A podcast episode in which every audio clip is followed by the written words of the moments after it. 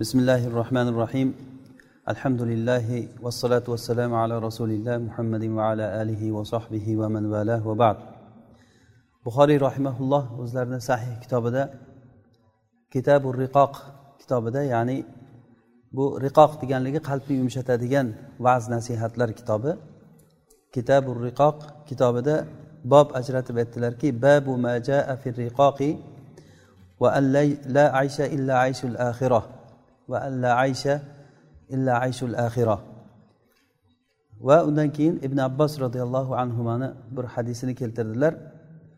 Aytdilarki ni'matani mag'bunun fihima kathirun minan nas as-sihhatu val farogh ya'ni bu bobda kitabu riqoq deganligi o'zi riqoq roqiqoni jami arab tilida raqiqo degani qalbni yumshatadigan narsa degani.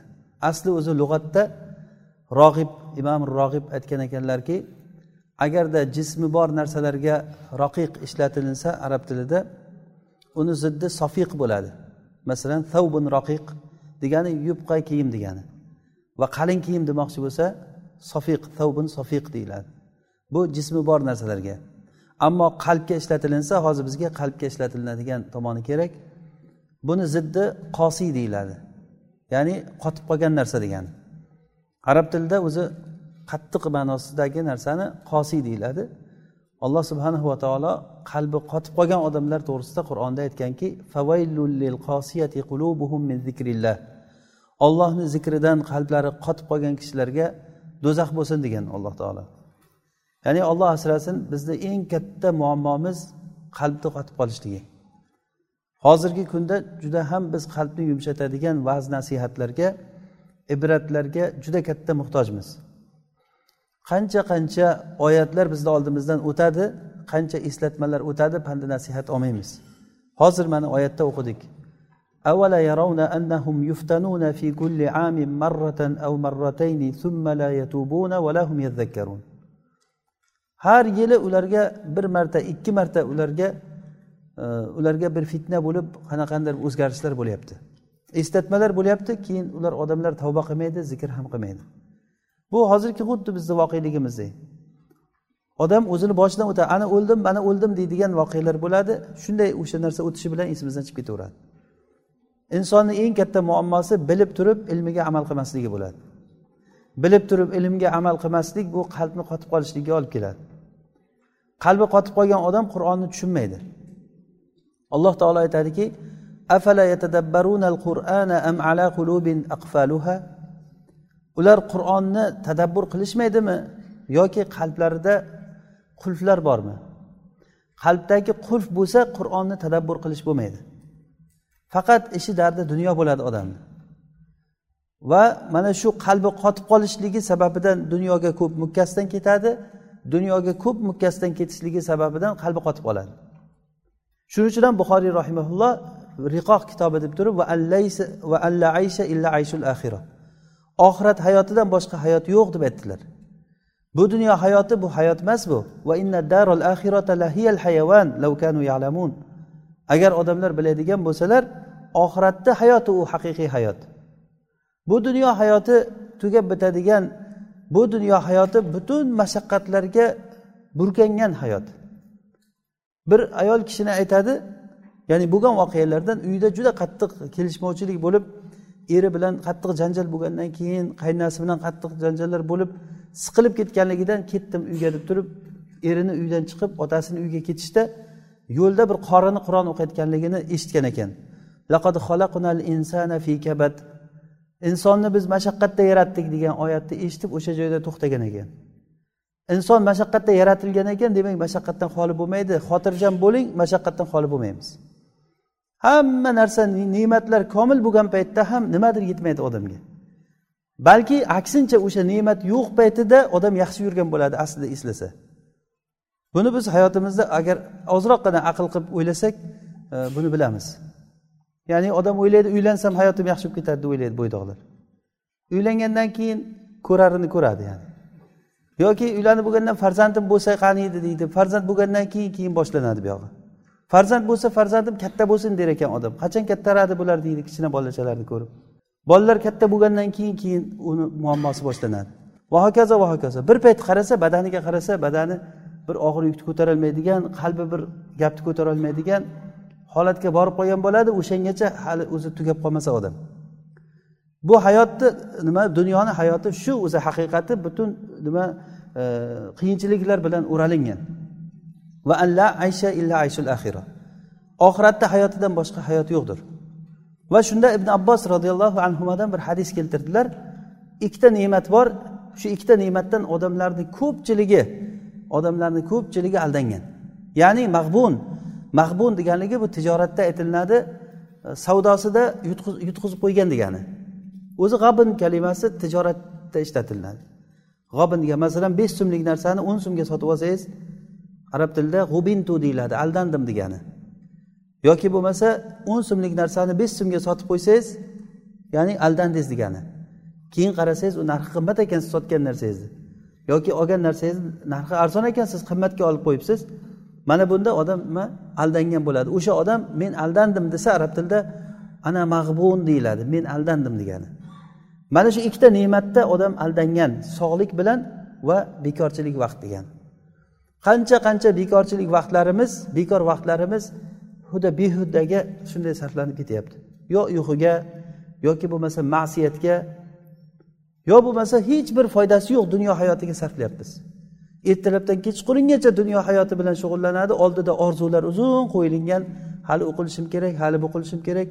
Agar o'sha qilayotgan ishidan agar oxirat hayoti uchun yashayotgan bo'lsa xursand bo'lib ishlayversin dunyo hayotida ham odam. Dunyoni qilyapman ishlayapman men lekin oxiratga foydam tegyapti oxiratda menga uy qurilyapti degan bir umid bilan ishlaydigan bo'lsa ishlasin. Lekin faqat shu dunyoda ishlasadan keyin niyati faqat shu dunyo bo'lsa orqasida. Bu tugamaydi.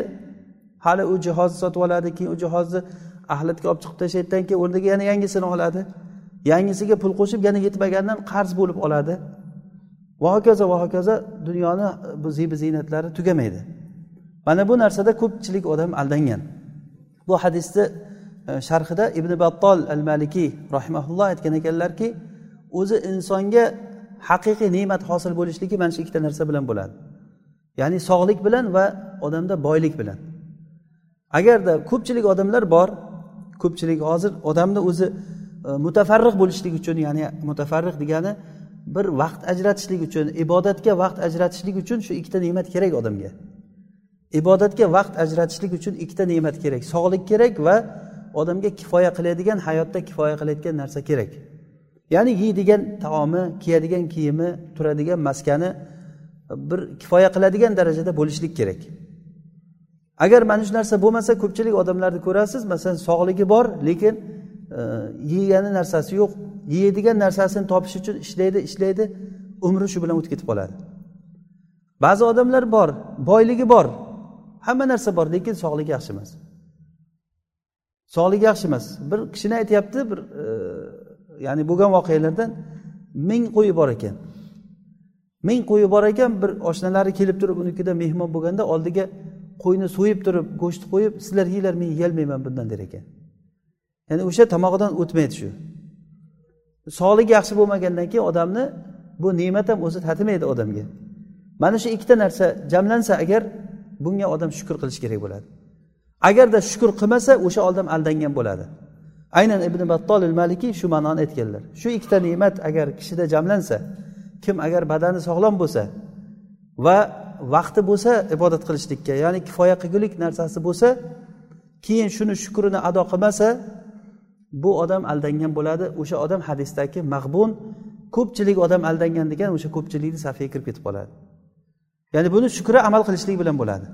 Yoshlikni shukri kuch quvvat bor paytda shu kuch quvvati bilan alloh taoloni toatini qilib qolishlik bilan bo'ladi. Biz qachon qarisak ibodat qilamiz deb umrimizni kutib shunday bir umrni yo futbol o'ynashlikka yo bir boshqa bir bema'ni narsalarga umrini sarflab yubormayaptimi yoshlar? Soatlab qancha kunlab gaplashib o'tiriladi? Ya'ni bir qarab o'tirsangiz yoshlar bir joyda gaplashib o'tirsa to'rt soat besh soat o'n soatlab bir joyda o'tirib gaplashib o'tiradi. Mana bu umr qayerga ketyapti endi bu? Bekordan bekorga uchib ketyapti. Ya'ni umrini behudaga sarflagan odam shukur qilmagan.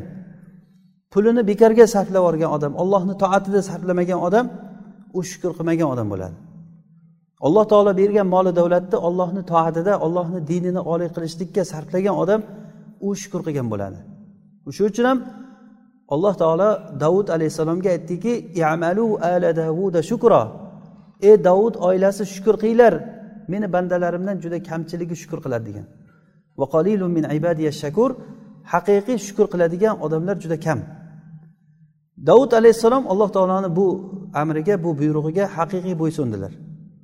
O'sha uchun ham rasululloh sollallohu alayhi vasallam aytdilarki eng afzal ro'za davud alayhissalomni ro'zasi. Bir kun ro'za tutardilar bir kun iftor qilib yurardilar. Eng afzal namoz davud alayhissalomni namozi. Kechasini yarmigacha uxlardilar. Keyin sulus bo'lganda kechasini uchdan birida turib namoz o'qirdilar. Keyin kechani oxirida sudusida uxlardilar. Ya'ni kechani oltiga bo'ling. O'sha oltini masalan kechasini olti soat deb faraz qiling. Shu olti soatni avvalgi uch soatida uxlardilar. Keyingi ikki soatida namoz o'qirdilar. Oxirgi bir soatida yana uxlardilar. Oxirgi oltidan bir qismida uxlardilar. Ya'ni eng afzal namoz mana shu namoz dedilar. Sola solatu davud. Kana yanamu nisfal layl va yaqumu thuluthahu va yanamu sudusahu. Ya'ni davud alayhissalom haqiqiy shukur qilgan odamlardan bo'ldi. Keyin ibn javziy rahimaulloh shu hadisni tafsirida xuddiki ibn battol aytganday ma'nolarni aytganlar. Ya'ni u kishi ham aytdilarki odamni o'zi hayoti bir tatimaydi shu sog'lik bilan e, odamga yetadigan bir e, nima ne'mat boylik bo'lmaguncha. Agar mana shu ikkita narsa odamga jamlansa agar jamlanmasa ko'rasiz sog'ligi yo'q odam bor sog'ligi yo'q boyligi bo'lgani bilan foydasi yo'q. Agar boyligi bo'lib turib sog'ligi bo'lmasa yoki sog'ligi bo'lib boyligi bo'lmasa odamga hayot tatimaydi shu ikkovsi jamlanadigan bo'lsa jamlanadigan bo'lsa mana shu narsani ollohni toatida ishlatmagan odam bu aldangan bo'ladi. Yana ham buni to'liqroq qilib gapirsak bu dunyo oxiratda ekinzori hozir ekamiz oxiratda yig'ishtirib olamiz. Hozir ekamiz oxiratda yig'ishtirib olamiz. Agarda kim hozir ekin ekin tekin paytida yaxshi ekinlarni ekib qolmasa hamma hosilni yig'ishtirgan paytda u nimani yig'ishtiradi. Demak kimki o'zini sog'ligini quvvatini boyligini ollohni toatida ishlatsa fahuval mag'but ya'ni unga odam qiziqsa bo'ladigan odam bo'ladi. Ammo kimdiki bu narsalarni ma'siyatga ishlatsa g'ofil bo'lib o'tkazib yuborsa mana bu hadisda aytilingan aldangan odam bo'ladi. U mag'bun bo'ladi. Ya'ni umrim uzoq bo'lsin yaxshi yashay yaxshi bo'lay deb odam qancha harakat qiladi. Lekin uzoq umr odamga nima beradi? Uzoq umr ba'zi ba'zi odamlar masalan e, duo qildik duo qiling desa umring uzoq bo'lsin deb duo qiladi.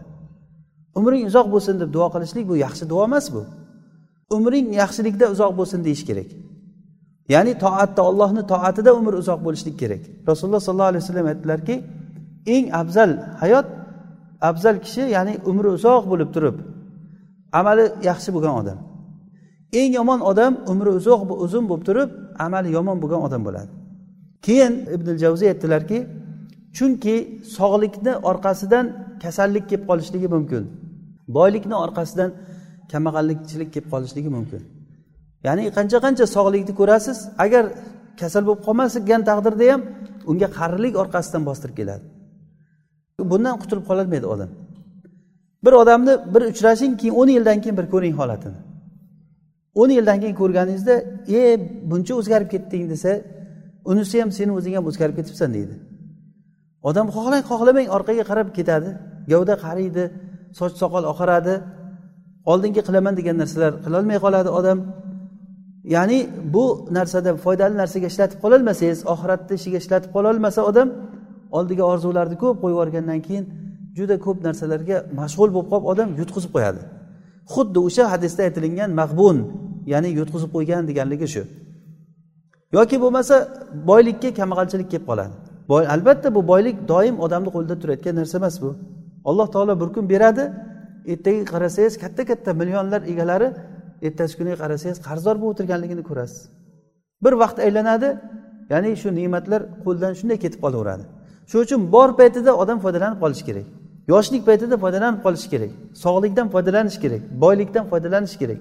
Agar bu bizni oxiratimiz uchun ekinzor bo'lmasa bu oxiratda ekinini ekib qololmasangiz hozir keyin odamlar ertaga ekinni yig'ishtirgan paytda e, nima oladi u odam? O'sha odam yutqizgan bo'ladi.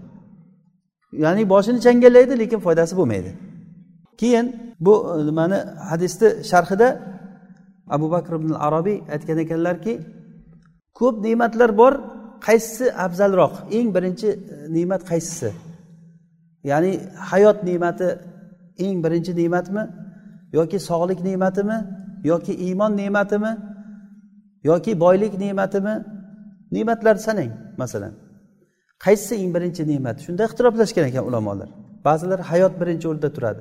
Ya'ni odam tirik bo'lgandan keyin keyin boshqa ne'matlar tatiydi. O'lib qolsa u ne'mat nima keragi bor? Ba'zilar aytgan sog'lik kerak. Sog'lik bo'lmasa hech narsa tatimaydi.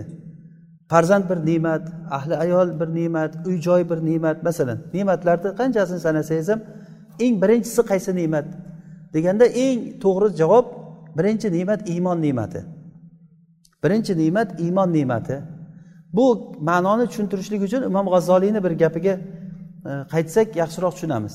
Imom g'azzoliy aytgan ekanlarki insonda bo'ladigan bunga sal e'tibor berib tursak juda foydali ozroq tushunish balkim murakkabroqdir lekin juda foydali ma'no. Insonda bo'ladigan sifatlar ikki xil bo'ladi. Birinchi sifat zotiy sifatlar ya'ni bu zotiy sifat degani insondan ajralmaydigan sifat degani. Bu xuddi rangga o'xshaydi. Masalan bir odamni rangi qora. Bir qora odamni men ko'rsam uni rangi qora ekan deyman. Siz ko'rsangiz siz ham qora ekan deysiz. Yozda ko'rsak ham qop qora odam qishda ko'rsak ham qop qora odam yoshligida ham qora qariganda ham qop qora odam bo'lib turaveradi. Mana bu qoralik unga zotiy sifat undan ajralmaydi degani. Kimni ko'zi bilan qarang u qora bo'ladi. Yana bir ikkinchi bir sifat bor u sifati izofiy sifat deyiladi arab tilida. Bu nisbiy ya'ni nisbiy bir sifat deyiladi. Bir bir qarasangiz yaxshi bo'lib ko'rinsa bir qarasangiz yomon bo'lib ko'rinishligi mumkin. Masalan boylik. Boylik masalan bir odamga bo'ladigan sifat. Masalan meni sifatim boylik sifati bo'lishligi mumkin yoki kambag'allik sifatim bo'lishi mumkin. Mana shu boylik bir qarasa yaxshi bo'lib ko'rinsa bir qarasangiz yomon bo'lib ko'rinadi. Masalan zulqarnaynni haqida boylik katta bir ne'mat bo'ldi. Alloh taolo unga ne'mat qilib berdi boylikni. Qorunni misolida boylik judayam katta bir ne'mat bir la'nat bo'ldi unga. Yoki saltanat masalan hukmronlik. Bu kimnidir haqida ne'mat bo'lib ko'rinsa kimnidir haqida ne'mat ya'ni alloh taoloni bir la'nati azobi bo'ladi bu. Bu masalan fir'avnni haqida sultonlik alayhi lana unga qancha bir e, kulfat bo'ldi va bu sultonlik bu boshliqlik sulaymon alayhissalomni e, haqqiga qaraganda katta bir ne'mat bo'ldi. Xuddi shunday sog'lik ham shunday. Sog'lik masalan bir qarashimizda yaxshi bo'lib ko'rinadi.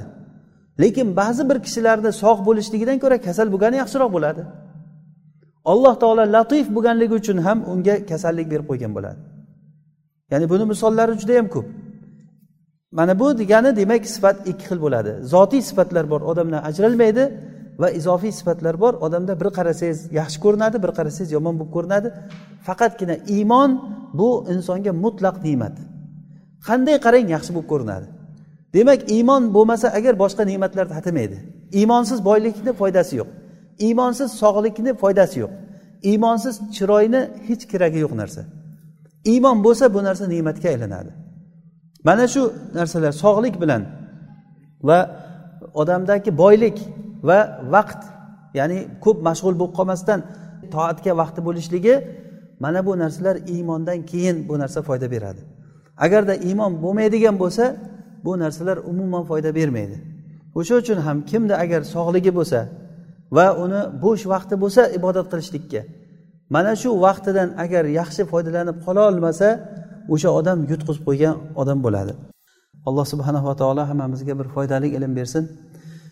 Eshitganlarimizga amal qilishlikka alloh taolo tavfiq bersin. Subhanakallohu bihamdik nashhadu an la ilaha illa ant nastag'firuka va natubu ilayk. Sollallohu va barik ala abdika va nabiyika muhammadin alayhi salatu vassalam